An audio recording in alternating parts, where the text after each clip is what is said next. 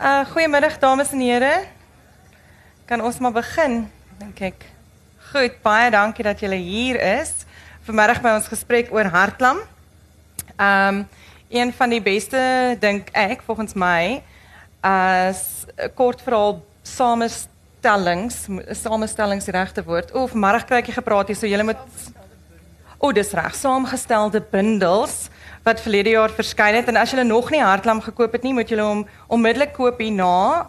Ehm um, die boeke gaan te koop wees hier buite en sommer dat die, die skrywers wat hier is dit vir julle teken. OK. Ek dink kom ons begin Gerda.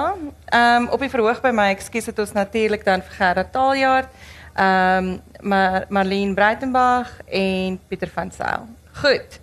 So kom ons begin by jou Gerda. Vertel vir ons 'n bietjie oor die hele proses van so 'n bundel en hierdie een spesifiek. Want jy en Deborah het voor die tyd saamgewerk op 'n ander kortverhaal bundel. Skrik op die lyf. Ja. Skrik op die lyf. Dis reg ja. So hoe het julle op hierdie konsep gekom? Hoekom nog 'n bundel?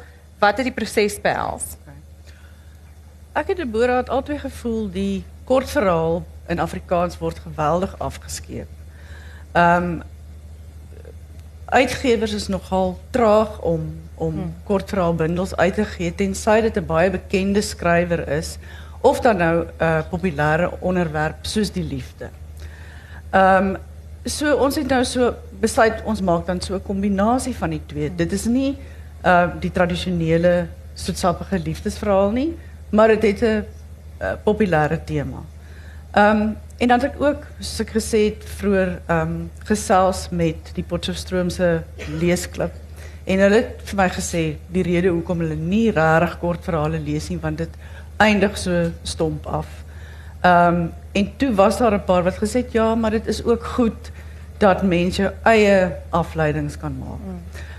Goed, so en ons wou ook nie heeltemal eh, daar is miskien twee taamlike tradisionele liefdesverhale hier. Mm maar ons wou graag taamlike aweregse liefdesverhale hê. Ehm um, nou met aweregs bedoel ek ehm um, nie noodwendig wit, stryd hmm. en beeldskoon nie. Ja. Ehm um, gewone mense ehm um, wat liefhet en natuurlik ehm um, omdat daar so 'n uh, groot verskeidenheid van of die liefde is so genuanceerd. Dit, dit is een hmm. van die die mees genuanceerde menslike emosies ehm um, het ons geweet dit gaan ehm um, 'n groot verskeidenheid wees maar op ja, die ou van alles kry. Ja, ek meen dit dis moederliefde. Dit is onbeantwoorde liefde. Dit is ehm um, obsessiewe liefde. Ja. Uh se se broederliefde, liefde tussen kamerade. Kamerade. Ja. Ehm um, so 'n groot verskeidenheid.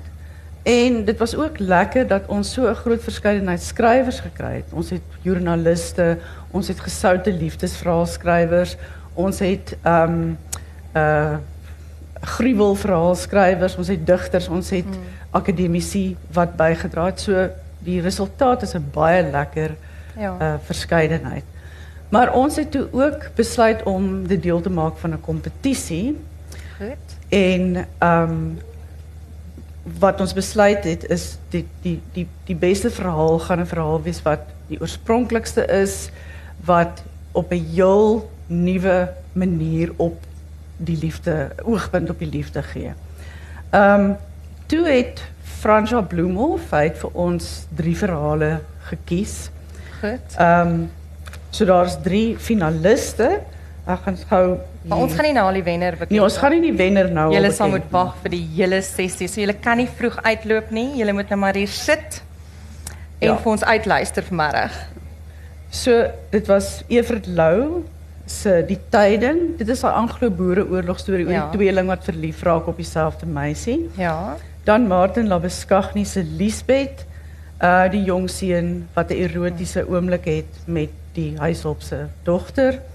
En dan Emma Becker se bokhaar, die wonderlike karakter van Bibiana Wolnik wat en haar sy bok haar kom bers wat reg ja. nie heeltemal 'n is nie. Maar goed, ek gee nie verder enige goed, iets. So daar is finaliste. Aan die einde van ons gesprek sal ons die wenner bekend maak. En wat kry die wenner of wat is die wat is die Die wenner kry vandag boeke en dan later 'n kontantprys.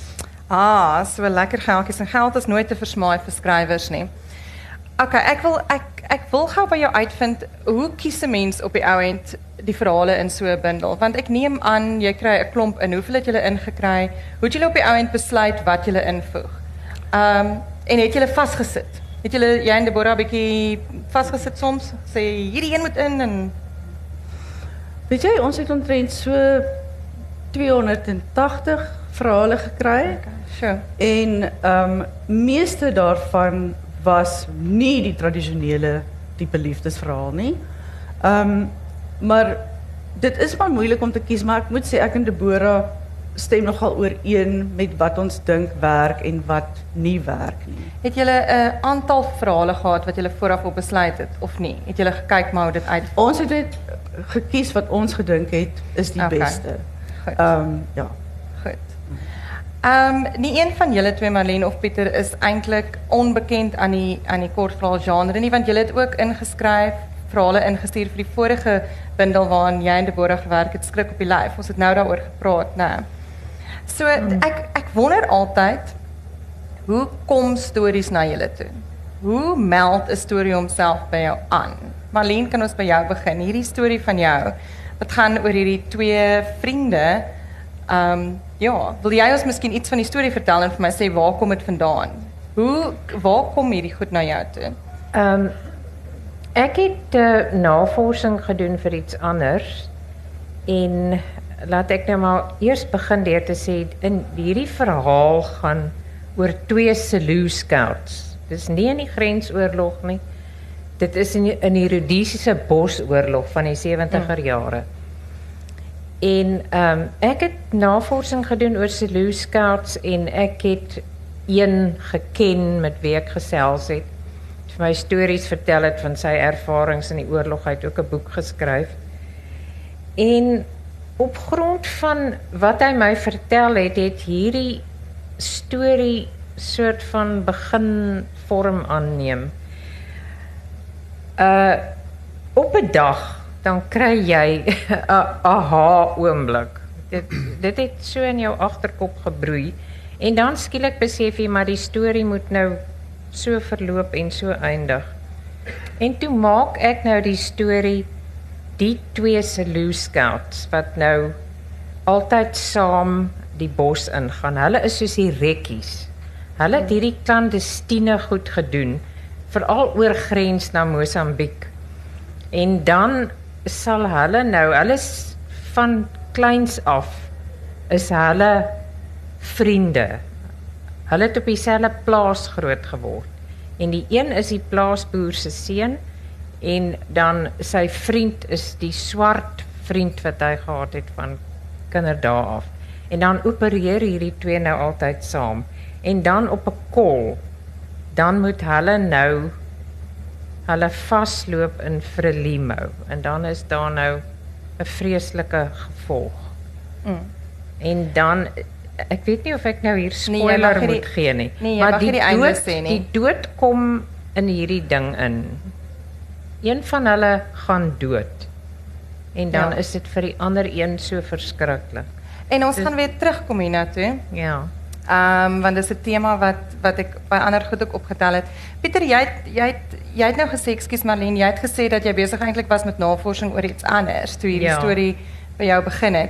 Jy het net vir my interessant gesê dat jy sien elke dag stories of jy hoor elke dag sulke liefdesverhale. Ek ek- is 'n joernalis by huisgenoot, so obviously is daar Baie baie stories. weird weird stories van brandewyn troues tot honde troues tot ek het 'n lysie so Ja, vertel ons ouma en asseblief. boetie van uh, uh, ouma, Ouma was en boetie. 70 en hy was 25 of so iets. Sure. So jy weet by huisgenoot skryf ons oor sulke amazing liefdesstories. En ehm um, ek het 'n paar jaar terug het ek navorsing gedoen. Ehm um, daar was 'n nuwe ding wat uh, of 'n nuwe term wat uitgekom het is ehm um, MSM, men having sex with men. So is Okay. mans wat nie hulle self as gay sien nie, maar hulle het hulle het seks met mans. Okay. En ek het 'n paar met 'n paar uh mense gepraat en een van die stories is waaroor ek nou geskryf het. Hmm. Van 'n ouetjie wat verlief is op 'n of wat in 'n verhouding is saam met 'n ouetjie wat HIV positief is en hy het dit nooit geweet nie en hy het dit eers later uitgevind. Mm. En ja, so ehm um, ja, dis waar my storie vandaan kom. Ehm um, ja, dit is net dis amper daai daai ding van ehm um, jy weet net soos liefde aansteeklik is, mm. jy weet is daar baie ander goed ook aansteeklik. Mm. En ehm um, dit het hulle verhouding heeltemal soos 'n donker wolk mm. totdat hulle tot hulle besef het, maar jy weet ehm um, die liefde sterker mm. as enige dit is 'n anti amper 'n antibiotika vir enige mm. iets jy weet as ons so lief is mekaar dan maak dit nie saak nie mm. so ja my werk by huisgenoot ehm um, jy weet gee vir my baie insaag inspirasie. baie inspirasie vir baie vreemde verhale maar dit altyd is daar mense dit is lief, liefde is altyd die oorkoepelende ding jy weet. Ja. En ja. Dit is my interessant wat jy nou sê want ehm um, in al drie van julle verhale, miskien moet jy net gou sê Gerda waaroor jou nou gaan en dan dan beantwoord ons die vraag. Want in al drie van julle verhale ehm um, dit is definitief averegse verhale en daar is in almal van hulle geweld.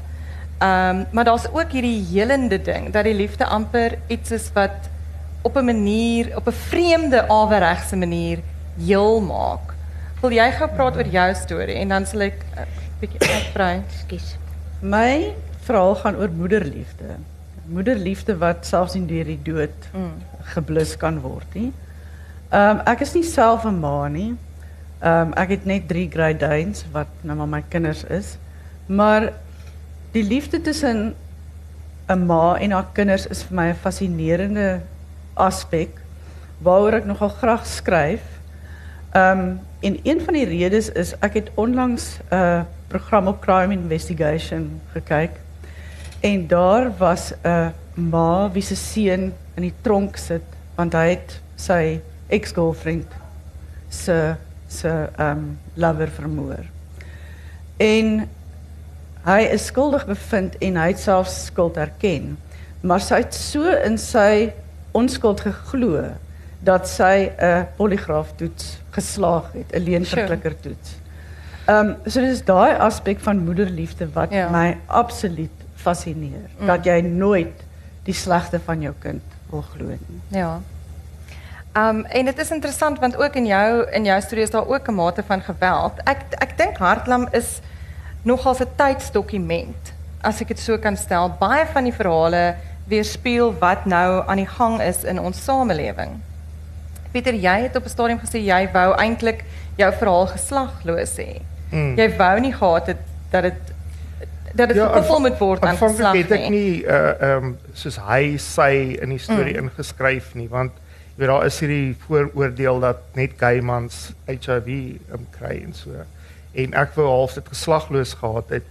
Ek bedoel daar's deesdae soveel boksies. Ek bedoel mm. gender gender is 'n baie, jy weet, to topical point. Ja. weet waar pak pas jy jouself in?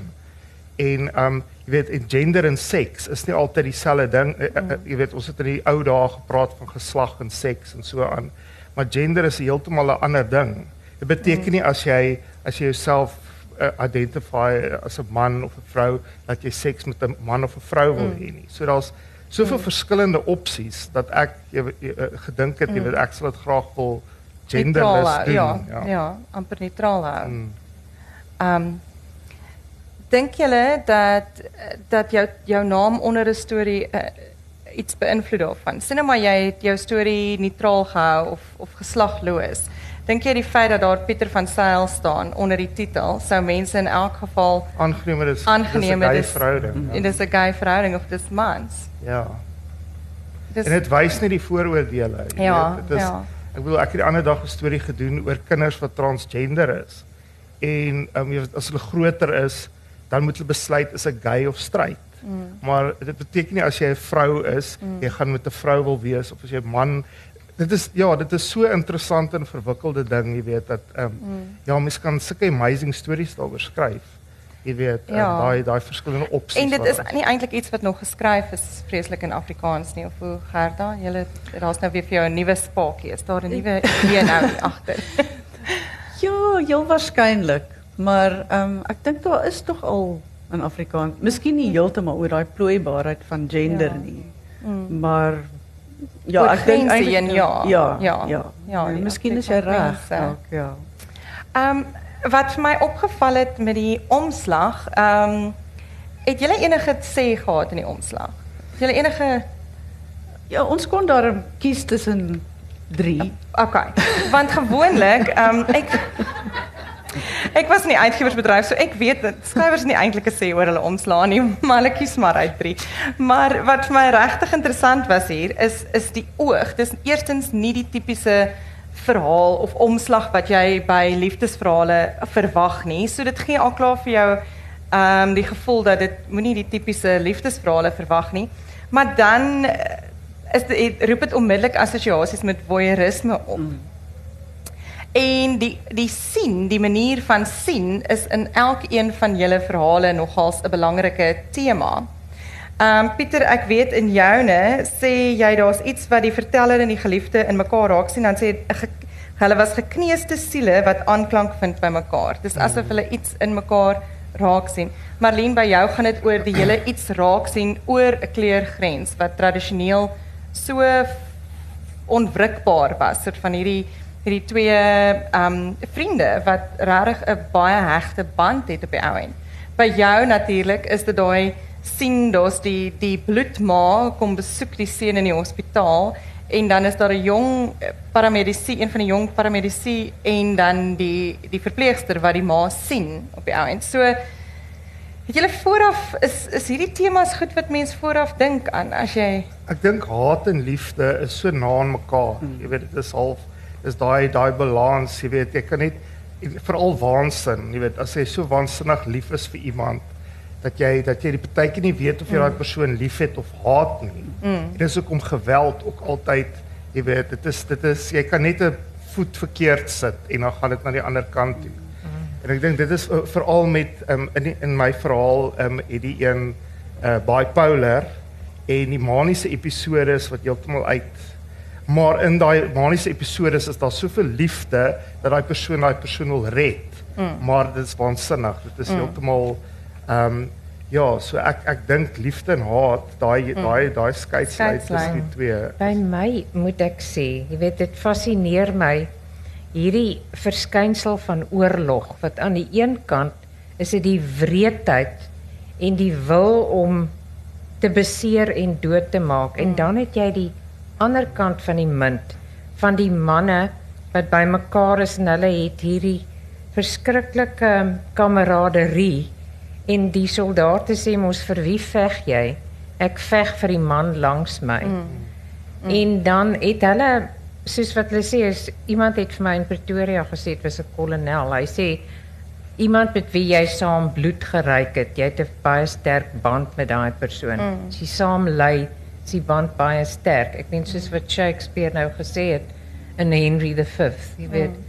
we few, we happy few, we band of brothers. And he who sheds his blood with me today will be my brother. Dit is daai ding wat jy sê van om saam bloed te ryk is interessant want iemand het nou die dag gesê, ehm um, daar's niks so intiem soos vel wat breek tussen mense nie. Dit so dit dit is ook weer daai fyn lyn tussen wat jy nou gesê het tussen geweld en liefde amper. Ek het met um, Ira gepraat wat nou die die stuk haal asem het die op die woordfees en wat sy sê is jy moet die heeltyd breek. Ehm um, mense mense wil nie breek nie en hulle is bang daarvoor.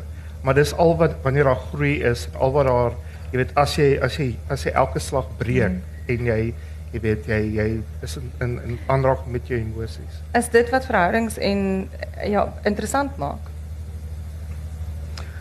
But the path of true love never did run smooth, jy weet. Ah. so is is dit die die ja, is dit wat jy dink Wel om aan te sluit wat wat Pieter gesê het, is dat die mense wat ons die liefste het, gaan ons noodwendig die seerste Mm. maak. En Ja. daarom lê liefde en haat so naby mekaar. Ja. Want daai persoon, dit gaan nie juist die persoon wees wat naby aan jou is wat jou regtig gaan woedend maak. en vir wie jy seer maak, amper asof jy Presies. toestemming het om om hom seer te maak, né? Om ja. Ja. Sjoe, ehm die die hele gevoel, daar's daar's 'n baie sterk noir gevoel in die bundel.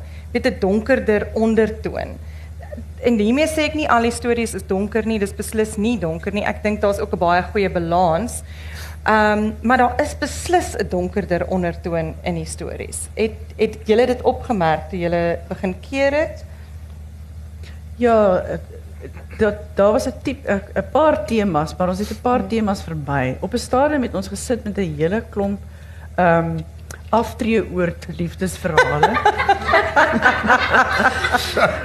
en Okay. toe het ons net gesê dalk vir 'n volgende bundel. maar Dit laat my aan Rudy van Rensburg se boek. maar daar is definitief 'n 'n 'n donker tema. Ehm maar soos ek sê, uh, ek ek dink Kyna Swart se verhaal Mm. oor oor die liewe Martaatjie. Mm. Ehm um, sy sê dit so goed aan die einde toe sy nou sien waarmee haar oupa besig is. Ehm um, terwyl hy eintlik so rassistiese man is Mm. dat sy sê wat ek nie toe kon verwoord nie, het ek maar het ek toe al besef dat liefde en haat so na aan na mekaar is. Ja. Ja.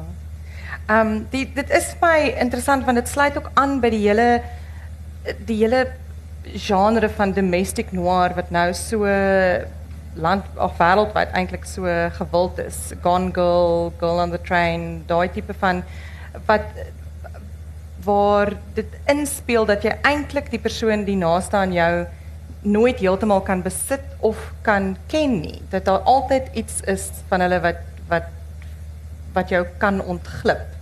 Soos daai nou dat sy dat sy dink sy ken haar oupa en dan hierdie heeltemal 'n teenstrydigheid eintlik in hom. Wat dan op die ou end nie so teenstrydig is nie. Ehm um, die voyeurisme ding, ek wil terugkom daarna. Dink julle 'n kort verhaal is 'n bietjie of die kort verhaal meer van al die ander genres ehm um, leen hom meer tot voyeurisme? Ek het daaroor gewonder want ek het gedink 'n kort verhaal is so 'n net 'n blik op iets, amper net 'n asof jy inkyk op iets, net 'n toneel amper. So ek het gedink in daai opsig is 'n kort verhaal amper 'n afkyk van iets. Ek wil met jou saamstem want miskien is 'n kort verhaal gee ook dan nogal baie weer van die skrywer op 'n manier. Ja. Ehm miskien meer nog as 'n roman omdat dit so 'n kompakte vorm van die weergee van emosies is. Ek weet nie. Ek ek Hoe voel julle? Wat voel julle? Dink julle dieselfde of dink julle ook so?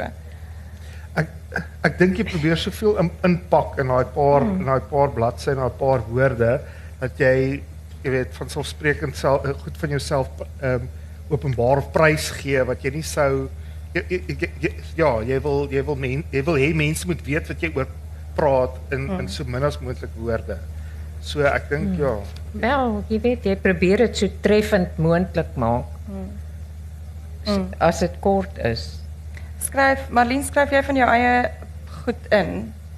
Het jy al jouself soort van ingeskryf in 'n storie?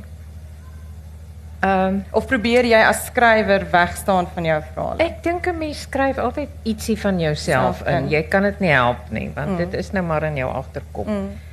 Maar ek kan nou nie sê dat ek myself in hierdie storie obviously ingeskryf het. Okay, maar nou wil ek 'n persoonlike vraag vra. Kan julle ons vertel van julle eerste liefdesverhaal? Ag, liefdesverhouding. Jou eerste liefde. Julle moet begin by Pieter. Oh, moet jy dink? Wel, my pa se dominee op welkom. So ja, ehm ek kan onthou die eerste meisie wat ek op verlief was, was saam met my in die in die in die in die ehm kinderkrans gewees nog.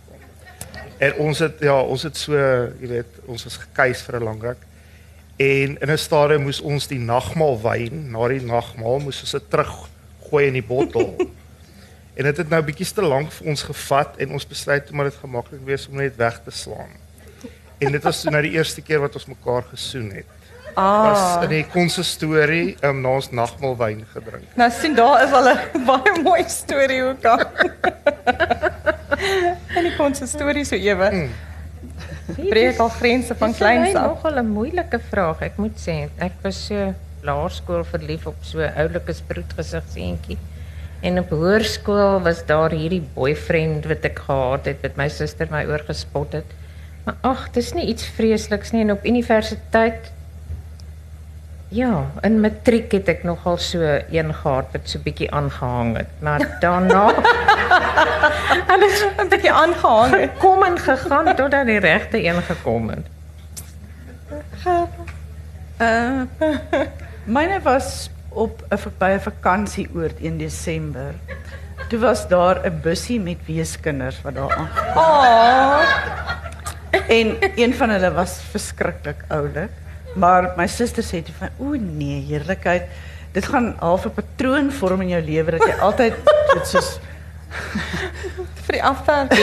Die afvlek voor. maar dit was my eerste soen en en liefde. Maar ek weet nie of die patroon hom toe nou herhaal het om half Ai. weeskindertjies onder my vlerk te neem. nie. Ek het um, in die laerskool het um, was ek in die klas saam met um, ons bure se seun wat ook 'n enkelkind was en die res van die kinders in die koshuis het besluit ons is perfek mekaar want ons is albei die enigste kinders. En op grond daarvan is ons toe gekuis. En daai liefde en haat wat so naby aan mekaar lê, daai grens, want ek onthou ons het dan middag die hele tyd sit en sit en beklei, sit en eintlik aangaan oor hoe kwaad ons is dat ons gekuis moet wees omdat ons die enigste kinders is. maar ons het ook nie opgehou om mekaar te sien middag nie. Ons het elke middag by mekaar gekom om te praat oor hoe erg kwaad ons is dat ons gekuis moet wees. is daar 'n verhouding wat 'n groot invloed op jou as skrywer gehad het? Dit hoef nie 'n ehm dit hoef nie ja, 'n liefdesverhouding, enige liefdesverhouding, nie noodwendig ja, ons wat die liefde kom in vele forme hier voor in die boek, so enige vorm daarvan. Is daar 'n so verhouding in jou lewe wat op jou as skrywer 'n invloed gehad het? Ek dink my ouma se verhouding met my oupa. Sy ehm hy was 'n moeilike man en hy het ook ehm hy was 'n alkoholist ook, so dit was maar sy het hom beskruiklik lief gehad. Ehm uiteindelik toe hy dood is en ons almal dink sy is nou verlig dat hy weg is, het sy ehm sy het op 'n stadium ehm saam met my in die kamer geslaap want dis nou voor sy toe nou na haar aftrede oor en dan praat sy in haar slaap dat sy vir my sê o my Hendrik ek het jou so lief. En dan het ek besef uh en dit het 'n geweldige impak op Ja. op my as skrywer gehad en op op hoe verhoudings is. Ja, of ja. Sure. Ehm, nou behalwe Romeo en Juliet en Cleopatra en uh, Caesar. Uh ons het vriende gehad wat ek kan onthou in my kinderdae. Die man het uit 'n oorlog gekom en hy was nou veronderstel om beskadig te wees. En ek kan onthou dat hy 'n mooi man was. En sy vrou het hom absoluut aanbid want almal het daarvan gepraat. My ouers het natuurlik daaroor geskinder. En die man het net nie gewerk nie en sy vrou het daar dood gewerk en hom en die kinders onderhou en sy was so lief vir hom en dit was nogal treffend. Ja, daai dat sy ten spyte van dit alles, Sy is nie ja. kwaad nie, sy verwyd hom nie, sy sê nie vir hom kyk hoe moet ek werk om jou Hmm. aan die gang te hou nie. Hy sit lekker by die huis en, En- sy onderhou hom. En het hy dieselfde gevoel? Dink jy daar was dieselfde gevoel aan sy kant? Miskien was hy bietjie van 'n narcis en het hy teruggesit en dit geniet, ek weet nie. Hmm. Ek het nie die indruk gekry dat hy so lief is vir haar soos sy vir hom nie. Maar ek was 'n Ja. kind, jy weet, Ja. ek net Ja. aanskou van buite af. Ek dink daai wat Mal- Malien oor geskryf het oor die kameraadskap. Um, Mm. Toe ek eerste jaar op Potchefstroom was, um, is my beste vriend in die koshuis uh, het selfmoord gepleeg. Sy eie lewe geneem op die treinspoor Sure. net langs ons koshuis. En 'n paar jaar later het my beste vriend op welkom is hy doodgery in Seepunt. Hy en sy boyfriend het daar gestaan en niemand het geweet van hulle verhouding nie. En toe die kris die, die dit gebeur, toe word hier alles blootgestel en blootgelê en is al hierdie drama op welkom, hulle het nie geweet daarvan nie. So ek dink dit het nogal ja daai onverwagse wegruk of Mm. Jy weet ontbloot mm. as jy ontbloot staan en ewe skielik moet jy jy weet erken maar ek is lief vir hierdie persoon mm. of jy weet uh, my vriend by die koshuis um, hy en sy meisie sy meisie het uitgevind sy is verwagtend en dis hoe toe hulle toe hulle nou op die treinspoor beland het. So dit is daai Ja, tipe van sure. ja. Sure. So Um ja. dink jy want jy skryf nogals oop in jou storie ook. 'n Oop jou, ek dink jou storie is 'n oop skryf van goed. Hmm. Dink jy dit is dit het 'n invloed gehad op dat jy dinge wil oop skryf ook? Ek wil ja, dit is dit is wat ek bedoel ek probeer doen met alles wat ek skryf, jy weet, is om niks weg te steek nie. Want mense kom dadelik agter as iemand lieg in 'n sto- in 'n artikel of in 'n berig of wat ook al. En um, ek probeer om mense te kry om hulle harte oop te maak en te sê maar dit is wie ek is. Ek is kwesbaar. Dit is wat Irak nou gesê het. Jammer ek sê dit ek gebruik dit die hele tyd. Maar sy het ook in haar onderhoud gesê, weet, sy wil kwesbaar wees. Ja. Sy het gebreek en nou is sy reg daarvoor om met ander gebroke mense daai pyn te deel. En ek Ja. dink dit is wat baie belangrik is. is En ek dink is 'n dis iets wat ons almal ervaar. Almal van ons is weerloos, almal van ons is kwesbaar. Ons wys dit net nie vir mekaar nie. Weet ons ons ja. Ehm um, dis iets wat wat baie subtiel in jou verhaal Gerda is, is daai weerloosheid van die kind wat dit vir niemand wys nie eintlik. Jy weet hy hy sê daar op die stadium sy stiefma hou nie van hom nie. Ehm um, sy sê hy's te vet. Mm. Maar dan kom jy ook agter die pa weet nie regtig wat aangaan nie. So hy wys dit ook vir niemand nie. Hy praat nie met met sy pa daaroor nie. So dit het ek ook in in jou verhaal Ja, ja. opgetel. Die die weerloosheid. Want die liefde maak mens weerloos. Ja, inderdaad. Maar mens moet jou weerloos maak vir een wat jy Ja. liefhet. Ja. Ek dink ook so. Daar jy is wou nou niks iets wat gesê jou het. so weerloos maak soos die liefde. Jy wou nou iets gesê het. Jy het nou Nee, ek wil dit presies O. sê wat sy sê. Dis Ja. jy- Dit ehm kan ons nog 'n bietjie praat oor oor die kort verhaal soort van en weerloosheid en so en wat dink julle hoe sien julle 'n goeie kort verhaal? Is dit iets dit is 'n blik ons het nou al gesê dit is so 'n blik op iets. Is dit ook 'n oop skryf van iets eh, kan jy eerliker amper wees in daai kort kort ehm um, tydperk? Ek dink nie daar's reëls vir 'n goeie kortverhaal nie. Ehm 'n mens kan sê dat daar ehm spanning half moet opbou en dat daar 'n onverwagse wending moet wees hier teen die einde. Maar dit geld nie vir alle kortverhale nie. Party skrywers skryf fantastiese kortverhale sonder om om regtig progressie te hê of so daar's nie daar's nie regtig reëls nie. Maar ek dink tog wat jy sê is waar dat dit moet een of ander iets oopskryf, iets openbaar maak. Ek weet nie of julle saamstem nie. een of ander ontknoping hê en ek dink wat die beste werk is as daar iewers 'n verrassing is of 'n dit bou op na iets waaroor jy wonder en dan gee dit vir jou 'n antwoord binne daai kort konteks. Ja. Ek dink 'n goeie kortverhaal vir my is dat as jy dit klaar gelees het, dan begin jy jou eie verbeelding te gebruik om die hele storie verder uit te bou. Jy begin amper droom daarvan, jy weet, wat dit volgende of jy weet waar die legkaartstukke wat jy self inpas. As Ja. as 'n kortverhaal dit kan doen, jy weet, om jou verder te laat dink oor die storie. Ja. Maar dis nou een van die redes wat die Potchefstroom se kring, Potchefstroom jy het gesê Potchefstroom Ja, nou se leeskring. gesê se leeskring hoekom hulle nie stories wil lees nie want hulle wil hou nie van daai oop einde nie. Hulle hou nie van die oop einde nie, maar daar was 'n paar wat gesê het hulle hou tog daarvan dat daar iets aan jou verbeelding oorgelaat word dat ehm daar nie maklike oplossings is aan aan die einde van 'n kort verhaal nie. Ehm, maar ja, dit, dit was hmm. een van die bezwaren. Ja. ja. Is dit een makkelijker genre om te schrijven? Als jij nou moet, moet sê vir jong schrijvers, ehm, is dit iets wat makkelijker is?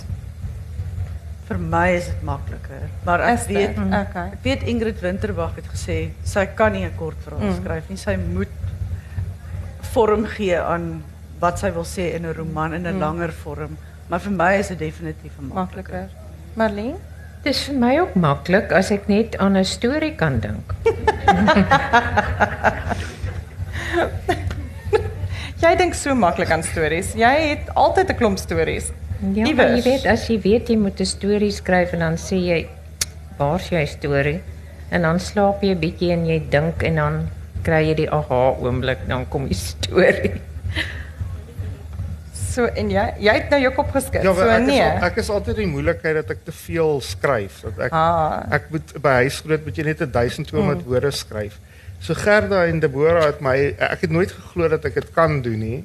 En dit was nogal lekker om te sien ek kan dit actually doen. Jy jy kan weet, sny. Ek kan 'n kort kort paar skryf. ja. Maar maar jou werk by huisgenoot is eintlik stories skryf. Jy skryf Hmm. net dit is 'n vorm van stories neerskryf. Ja, dis hoe ek hierdie storie ehm um, benader het, jy weet, Ja. ja. 'n huisgenoot storie. Sal jy ooit van die stories wat jy daaroor gebruik in 'n kort verhaal? Ek het al Het jy? ja, nee, ek is nou besig om aan iets te skryf. Okay. En 'n roman? Mm -mm. Nee. Ek hou van van rea- ek ek, ek wens ek kon sulke amazing boeke soos julle twee skryf, maar ek hou van reality, soos 'n Mm. CSI tipe van reality, jy weet. Mm. Is Ja, ek, Ja. Ja, natuurlik. Sal plek. Ons sal nou vir jou warm hou hieroor. Marlene, ehm ek dink nou Ray Bradbury het gesê jy moet elke maand 'n kort verhaal skryf want mens kan nie 52 swak kortverhale na mekaar skryf nie. So iewers moet daar iewers moet daar iets uitkom wat jy kan gebruik. Ehm is daar kortverhaal skrywers wat jy wat wat jy graag lees? Hierdie ou kamp. Is- Hierdie is- ou is kamp, ja. Dit is sy kort verhale. Um, Dit kan maar Engels ook wees. Dit Petra Muller. mm. Marlene? weet jy Helena Gunter se stories Mm. was vir my mooi geweest. Maar ek lees graag kortverhale. Ja, Mm, ek, ja. ek geniet hulle almal. Ja, ek hou ek hou ook baie daarvan om kortverhale te lees. Ek wonder soms hoekom mense nie meer kortverhale lees nie, omdat ons samelewing so kits oplossings, kits alles is. 'n Kortverhaal is tog kort en Ek dink mense wil hulle self verloor in 'n boek wat hulle, jy weet, op die strand lê en jy weet, half verloor. As jy 'n kort verhaal dan word jy half gedwing om binne 'n paar bladsye moet jy afskeid neem van die mense wat jy ontmoet het. Waarna in 'n langer boek kan jy half die mense beter leer ken en so. ja. Ja. Ja, dit is interessant. Maar jy jy's heeltemal reg as jy dink wat se kort aandagspan mense deesdae het, dan behoort kort verhale eintlik Baie beter te doen. Ja. Ehm um, dink jy ons moet nou ons wenner aankondig? Want ons wil graag hê die wenner moet ook 'n deel lees Ja. uit ja. Uh iemand Die moet net help om die mikrofoontjie weer aan te skuif of te Goed. So ek het gesê die finaliste is dan uh Evert Lou, Martin Labeskagni en Emma Becker en dit is dan inderdaad ook Emma Becker wat die prys wen. Yay! Baie geluk Emma. Is Emma hier? Ja. Emma! Kom op. Nou moet ons gou 'n mikrofoon hier kry want ek wil hê Emma jy moet vir ons dan 'n deel lees uit jou verhaal asseblief.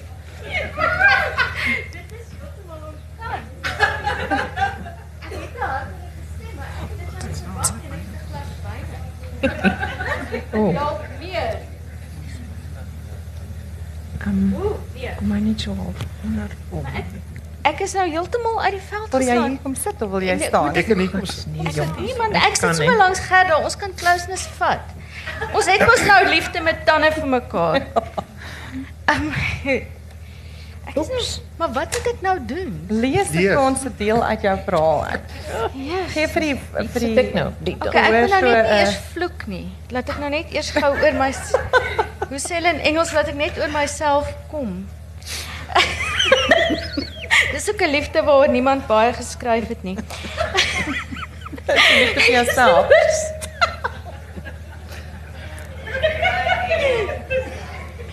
Ek het nou amper oor myself gekom.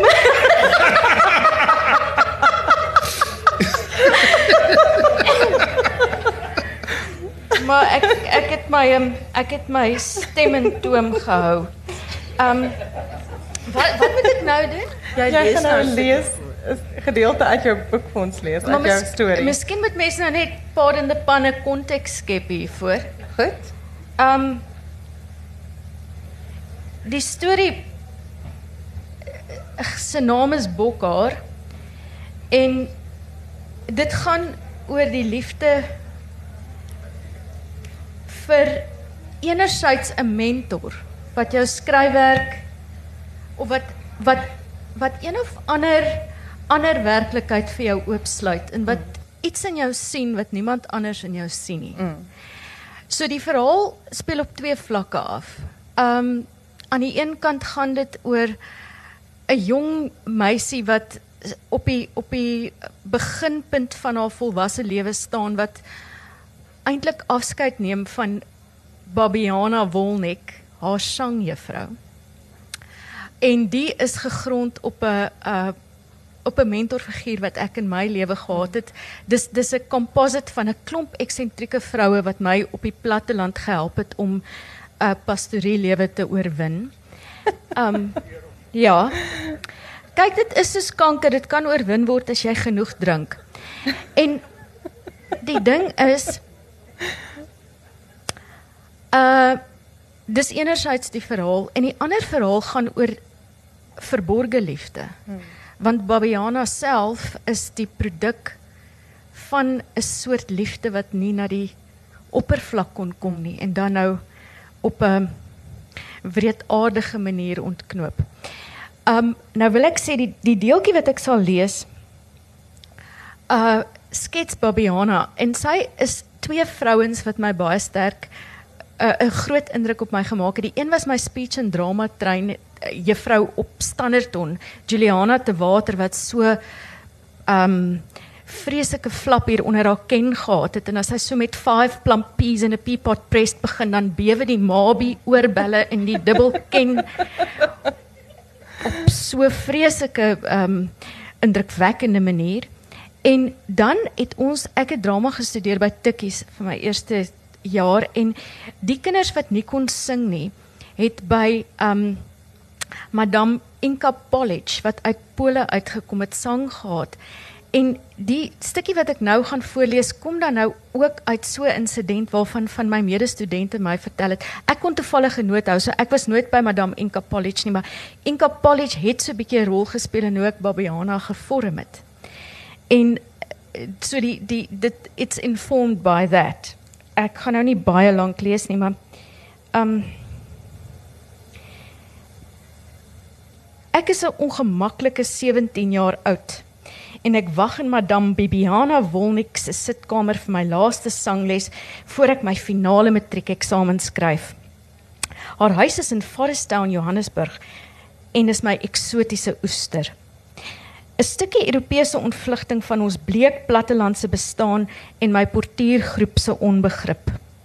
Vanoggend voel ek baie gesofistikeerd want ek dra 'n swart bokhaar sjaal wat ek by ons kerkbazaar se sendingtafel gekoop het, 'n bloedrooi fluweelrok uit my ouma se kas en swart Doc Martens stewels. Madame hou tog so van 'n sjaal. Sy is vreeslik eksentriek en ek is mal oor haar. Hoe oud sy is, weet ek nie, seker oor die 60. Sy kleur haar hare blond blond, teken wenkbroue in en dra altyd rooi lipstifie. En sy praat moerse snaaks, so mengsel van Duits en Afrikaans, maar eintlik is sy Pools. My eerste les by haar was erg vreemd om die minste te sê. Ek en maat 7 uur die oggend uit Dwarsfontein gery om betyds te wees. Toe verdwaal ons. My en ma se senuwees was gedaan om te verdwaal in Johannesburg. Ek stap nog so verboureerd by haar musiekkamer in toe skree sy: "Liewe kind, kom bitte, wurg my, wurg my." Sy stoot haar skilpad nekkie vorentoe en sit haar hande om haar nek. My Christelik nasionale beskroomdheid wou my net laat weghol, maar sy het my teruggeroep en verduidelik dat dit as sy my net wou wys hoe sterk 'n sanger se nekspiere moes wees. Sy wou hê ek moes haar wurg om dit te voel. Sal ek, sal ek daarvoor staan? Baie dankie. Maar nou ek skoon vergeet om die prys te oorhandig. Wat daar Ek soek net die kontant en jy kan dit in my bra druk.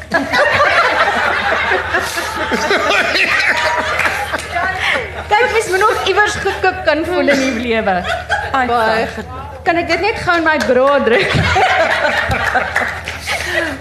Baie ek is ek is heeltemal verspot van skok. Dis afreg. Baie geluk. Baie geluk Dankie. daarmee. Sjoe.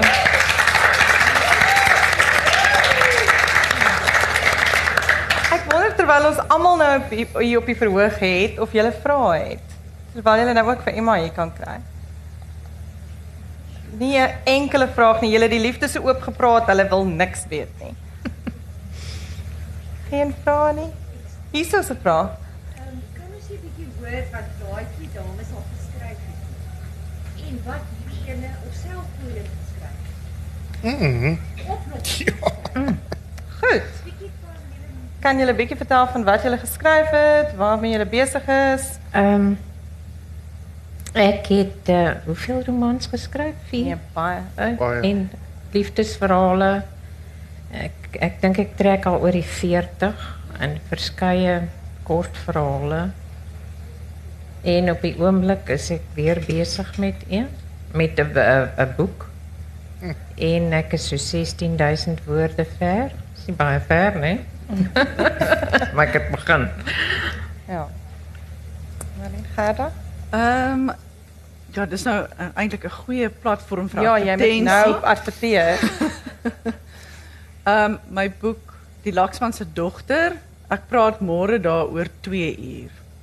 Ehm, Bij die HB Tom Zo, So dan kan jullie nou mooi kom luister waaroor gaan die Laksman se dogter, maar ek het ook ehm twee vorige romans. Ehm 'n engel in die hoenderhok en dan Kelder ook. En oor Kelder gaan daar 'n film gemaak word. Ja, Ehm, fantasties. Baie geluk. Sjoe. Ek kan nie vir julle sê wanneer nie, maar Dis goeie nuus. dit dit gaan wel gebeur, ja. Sjoe. Ja. Ehm kan almal van julle hoor? Sy vra vir Emma wanneer sy begin skryf het en hoekom? Hoekom?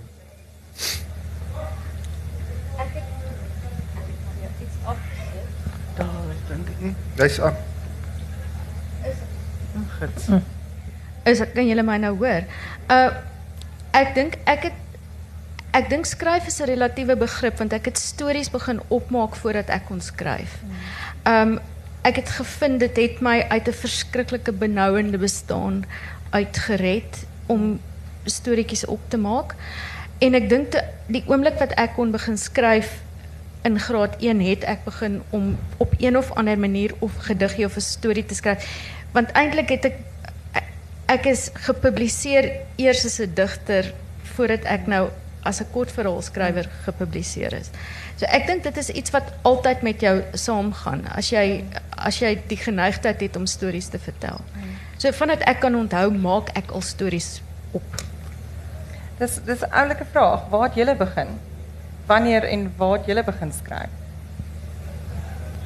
Mm, ek het ook soos uh, uh, mm. op uh, in Jeffreys op die strand gaan stap, Paradysstrand en sand sand wat was dit sand stories of iets vir die rotse vertel mm. en en vir die vir die wat ook al die meeuwe en so en dan huis toe gegaan en geskryf, gaan skryf en so ja. Ja. Het jy as ook as kind al begin stories? Ehm ja, skryf? dit was vir my lekker om opstelle te skryf. En ehm ek het byvoorbeeld een opstel geskryf wat 'n landswye kompetisie gewen het in die land van die blindes. En uh maar boeke het ek eintlik ek het jare gelede het ek 'n boek geskryf wat oor die boereoorlog gehandel het en dit het nie gewerk nie, maar toe los ek dit. En toe het ek 'n vriendin van my het geskryf vir Lapa. En toe sê ek vir haar ek het 'n storie, toe sê sy het my maar skryf hierdie storie en toe skryf ek die eerste ene En toen publiceren ze dit. En toen is ik zo blij. ik schrijf ze maar dadelijk een tweede in. En toen gaat het helemaal niet zo aan. Hmm. Dus je hebt nog nooit weer opgehouden? Ik heb nog nooit, weer opgehouden. jij al nou en. Jij moet nou en al. Voor al die tijden wat je niet gepubliceerd hebt, Nie. Ja, ik, nou nie eh, nie. het gedink, ja, ik heb bietjie laat in my lewe losgetrek. so ek sal maar moet aanhou. Ja. Dis nooit te laat. dit is nooit te laat nie. Jy, Gerda? Ek dink ek moet eintlik maar herhaal wat Emma gesê het dat skryf is 'n manier om te ontvlug Mm. van die harde werklikheid. So jy maak stories in jou kop op. En dit was ook vir my 'n manier om uh chaotiese omstandighede in 'n meer ehm ordelike vorm weer te gee. Mm. As dit sin maak. Ja, en skryf is ook 'n liefdesverhaal of skryf is ook 'n liefde. Jy weet, dit is dit is ehm een met tande wat eintlik sy merk 'n bietjie op jou laat, soos soos ons nou hier gelees het, dink ek. Ja, want dat jy mens moet bietjie obsessief raak as jy skryf, is dit nie? Raak 'n mens nie 'n bietjie obsessief soms terwyl jy Beslis. besig is met 'n boek nie of met iets nie? Ja, ek ek moet nou 'n verskriklike belydenis maak en dit is dat ek nog nie van die ander medeskrywers in hierdie boek gelees het nie, omdat ek besig is om self nou aan 'n kortverhaalbundel te werk. Mm. En ek um, ek vind ek wil daar mens mag nou maar die advertensie gebruik, maar een van my ander verhale wat wat ek ook geoormerk het vir die bundel is in die feesbundel ook opgeneem. Soos Gerda, my medeskrywer hier. Ja. Um en ek vind dan gaan kyk ek eerder by so 'n soort fees na visuele kuns. Mm. Omdat ek nie die stories wat in my kop besig is om af te speel wil bederf met amper met ander mense se invloede nie. Mm. So ek daai soort obsessie neem dan die vorm aan ek ek lees die goed wat van toepassing is op waarmee ek besig is Mm. en dan gaan gaan soek ek die die inspirasie uit ander uh media uit as ek Ja. dit so kan sê soos films en dokumentêre en en um visuele kuns. Mm. Jy is amper bang vir 'n bietjie van uh, kruisbestuiving, jy weet. Contaminasie. Contaminasie is amper ja, is 'n mooi woord. Voel julle ook soms so dat as jy besig is met iets Ja. dat jy nie dat jy liewers nie in daai genre lees nie of dat Ek, jy nie ja, ek lees nie ander mense se liefdesverhale nie. Want dan beïnvloed dit my. Ja ek skryf, lees ek net Engels. Is dit Ja, ek wil nie ek wil nie Afrikaans lees terwyl ek skryf. nie. terwyl jy skryf Ek nie. sê Sure. almen op daai een. Ek voel ook so. Jy ook. Maar Marlene, ek weet jy lees ook baie Engels. Mm. Pieter, jy jy, jy kan nie anders nie by huisgenoot skryf jy alles en oral Ek lees alles. Ja, ek dink ja, ek dink jy moet maar net lees. beland, Ja. Jy moet maar net baie lees. Voel jy soms dat dit jou eie tyd om te skryf inneem of op opslurp? Voel jy soms dat jy meer kreatief Nee, sou ek wou? ek is ek is 'n obsessiewe leser. Ek wil so meer soveel as moontlik verskillende goed lees. Okay. En ja, lees. Ja, lees, ek moet sê ek is ook 'n obsessiewe leser. Is daar nog 'n vraag? Ekskuus, daar agter is 'n vraag. Risa, jy moet nou net wag dat ons net gou 'n mikrofoon vat. Uh, ons gaan hom nou weer vir jou terugbring. Is dit Trisa wat ons probeer vasvra? Dink is Risa. Nee, ek sal jou nooit vasvra nie, Malien. Uh, Is dit Risa Ego wat ook 'n storie by? Ja. Ja. Inderdaad. Jy? Ek, ja, ek wil eintlik net vir Emma ook sê baie baie geluk. Dis wonderlik. En dis die eerste keer wat ek my oë op jou lê nadat ons al baie lank Facebook vriende is. Aangename kennis. Maar ek kan jou nie baie mooi sien nie. Jy moet jouself maar net net nou aan my bekend maak. Ek maak so. Ek ek sit nog 'n bietjie in oorweldiging. Dis wonderlik. Ek is bly vir jou. baie baie. En Gerda, ek is so 'n groepie van jou skryfwerk. Ek wil net sê ongelukkig mis ek môre jou bespreking, maar na die Laksman se dogter wat vir my so 'n wonderlike verhaal is, is ek nou tans besig om al jou ander boeke te herlees. Engel in 'n hoenderrok lê op my bedkassie, maar ek kry nie maan siek in die hande nie. Dit is nog net by die uitgewer in Pretoria beskikbaar. Ja, Uh, en dit dit is nog deur Protea destyds uitgegee en dit is eintlik maar al ek dink nie dis meer ehm um, ja, is hy's ook nie as? 'n e-boek beskikbaar nie. nee. Ja. O, ek sou hom baie graag ook wou lees. Wel dan moet ek moet 'n plan maak om dit na jou toe te stuur. Absoluut, dit sou wonderlik wees.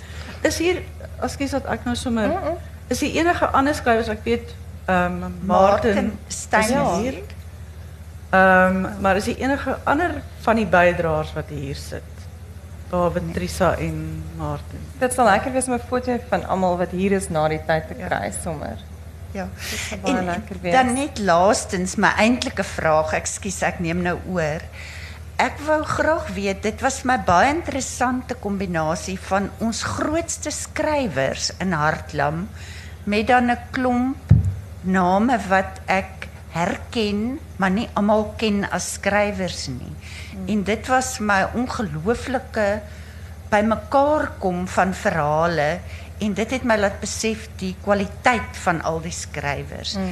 En ek wil julle gelukwens met daardie aspek van hoe julle die bekende mense byeengebring het met onbekendes. Baie, Baie dankie vir die geleentheid. Is daar nog 'n vraag iewers? Nog vrae? Daar is nog 'n vraag. Nou. Ek wil by Gerda hoor wat is die volgende bundel se tema? Ek word nou nogal gereeld daaroor gevra. Maar ek het nogal gedink 'n goeie een sal wees 'n kulinaire bundel wat gaan Ah. oor kos. Kos. Ja, heerlik. Nou sal jy dit maar moet doen. Ons is nou almal opgewonde oor daai. Wel, dit hang nou maar alles van die uitgewer. Ons sal daar's nog 'n handjie wat daar's nog 'n opgeskiet. vraag. Nee.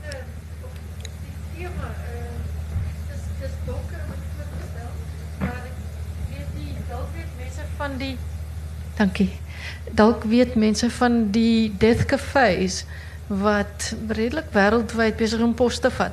Maar mense letterlik, jy kan dit stig, jy kan ek neem aan die gewoonlike woord daarvan jy verwag jy jy doen ba- basies aansoek dat jy ook 'n death café wil run en dan nooi jy mense wat belangstel om oor die dood te praat want ons praat so selde regtig oor die dood.